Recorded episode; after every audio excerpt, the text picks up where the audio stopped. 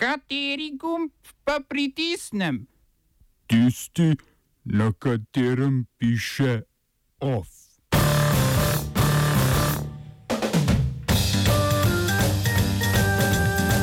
Združeni narodi zavrnili predlog obsoditve Hamasa. Albanski študenti in grški anarhisti na barikadah. Vložena obtožnica zopr Andreja Šiška. In razstava Five Ladies v Kibli in nagrada Igorja Zabela.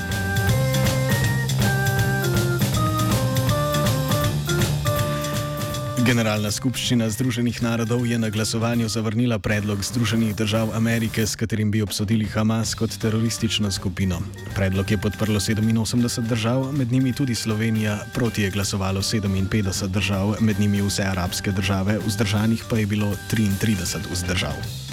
Kljub temu, da je predlog dobil večino glasov, ni bil sprejet, se je pred glasovanjem Kuwait predlagal, da naj bo za veljavnost predloga obsodbi Hamasa potrebna dvotretinska večina.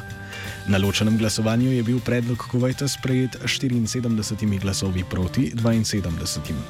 Slovenija je glasovala proti. Sprejet je bil tudi predlog Irske, ki obsoja nelegalna izraelska naselja na palestinskem ozemlju in podpira rešitev konflikta med Izraelom in Palestino v obliki dveh držav. Predlog je podprlo 156 držav, proti so glasovale le Združene države, Izrael, Avstralija, Liberija in Maršalovi otoki.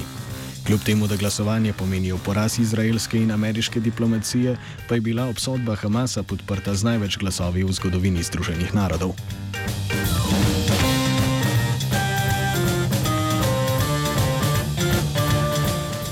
Razdor med silami na svetovni ravni se zaostruje tudi za aretacijo v podjetju Huawei. V Združenih državah Amerike bo namreč danes zaslišana Meng Wanzhou, finančna direktorica tega telekomunikacijskega velikana. Na zahtevo ZDA so jo 1. decembra v Vancouvru aretirali kanadski organi pregona.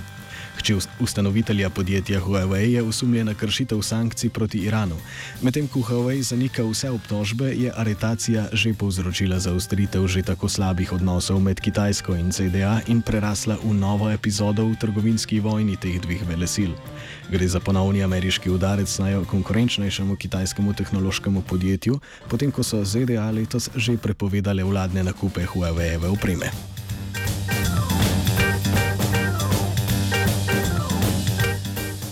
Razdor pa vlada tudi v posebnem komiteju Evropskega parlamenta za avtorizacijo pesticidov, vzpostavljenem na začetku leta, ki je sprejel zaključno poročilo o uporabi pesticidov v kmetijstvu.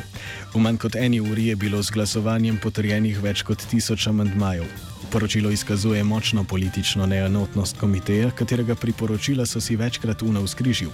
Komitej je namreč razklanen na tabor poslancev, ki se zauzemajo za večji nadzor in omejevanje rabe človekov in okolju nevarnih pesticidov ter torej večje spremembe obstoječe evropske zakonodaje in politike na tem področju, in na tabor, ki meni, da so pesticidi nujni za konkurenčnost evropske agrikulturne industrije.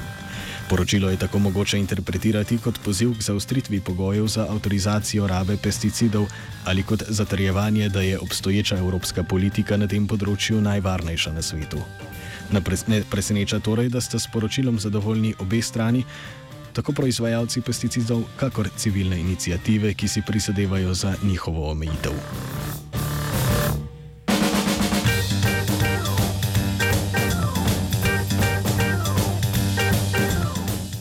Noči z četrtka na petek so v Atenah in Solunu potekali protesti ob obletnici smrti 15-letnega Aleksandrosa Grigoropolusa, ki ga je leta 2008 umoril policist. Umor je pod Umor je pred desetimi leti sprožil ene največjih in najdlje trajajočih protestov v Grčiji, odtedaj pa se vsako leto v obletnici smrti tradicionalno po mirnih protestih v spomin na umorjenega in proti policijskemu nasilju v atenski četrti Exarchija z anarhisti spopadajo tisoči policistov.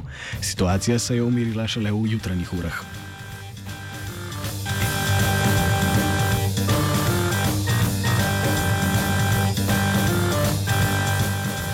Selimo se severno od Grčije. Albanijo ta teden pretresajo največji protesti v zadnjih letih. V vseh večjih mestih je na ulice odšlo na tisoče študentov, ki protestirajo proti dvigu šolnin in spreminjanju univerz v podjetja.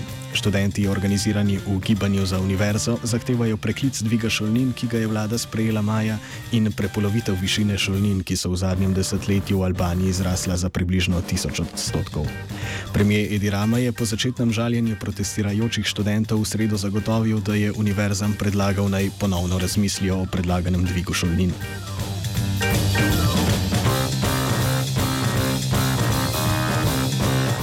Zdravniki brez meja in humanitarna organizacija SOS Mediterrane sporočata, da bo ladja Aquarius, ki je od februarja 2016 v sredozemlju rešila več kot 30 tisoč življenj beguncev iz Afrike, zaradi političnih, pravnih in administrativnih napadov več evropskih držav prenehala z delovanjem.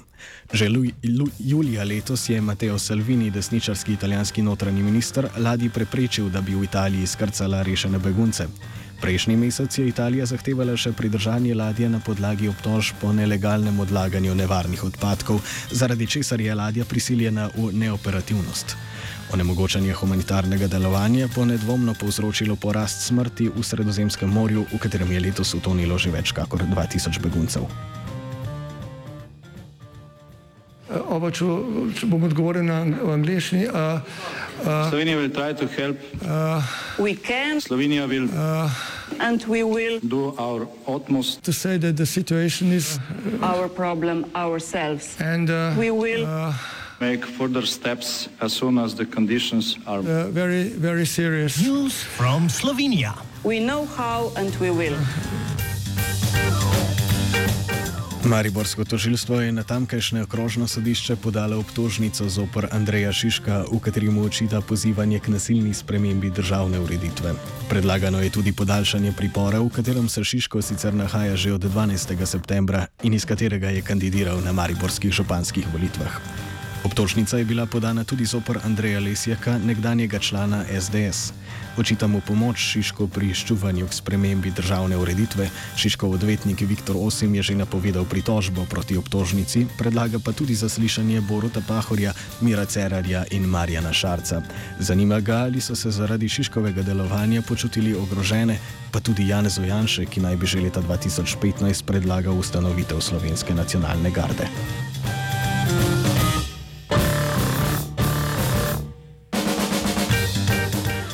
Volilna komisija v Kopru je zavrnila pritožbi obeh županskih kandidatov drugega kroga, tako Borisa Popoviča, kakor Aleša Bržana. Slednji tako ostaje novo izvoljeni župan Kopra.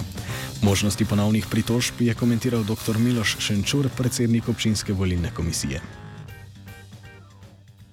Zdaj imajo uh, možnost uh, vložiti pritožbo na občinski svet. To pritožbo lahko vložijo do začetka prve seje novo izvoljenega sveta, tako zvane konstitutivne seje. Kot vem, imajo v poslovniku mestne občine Koper, mislim, da deset dni od poročila občinske volilne komisije. Eh, poročilo občinske volilne komisije bomo pa sprejeli danes. Če Eh, pride do te pritožbe na občinski svet, potem eh, občinski svet eh, o njej jasno da odloča.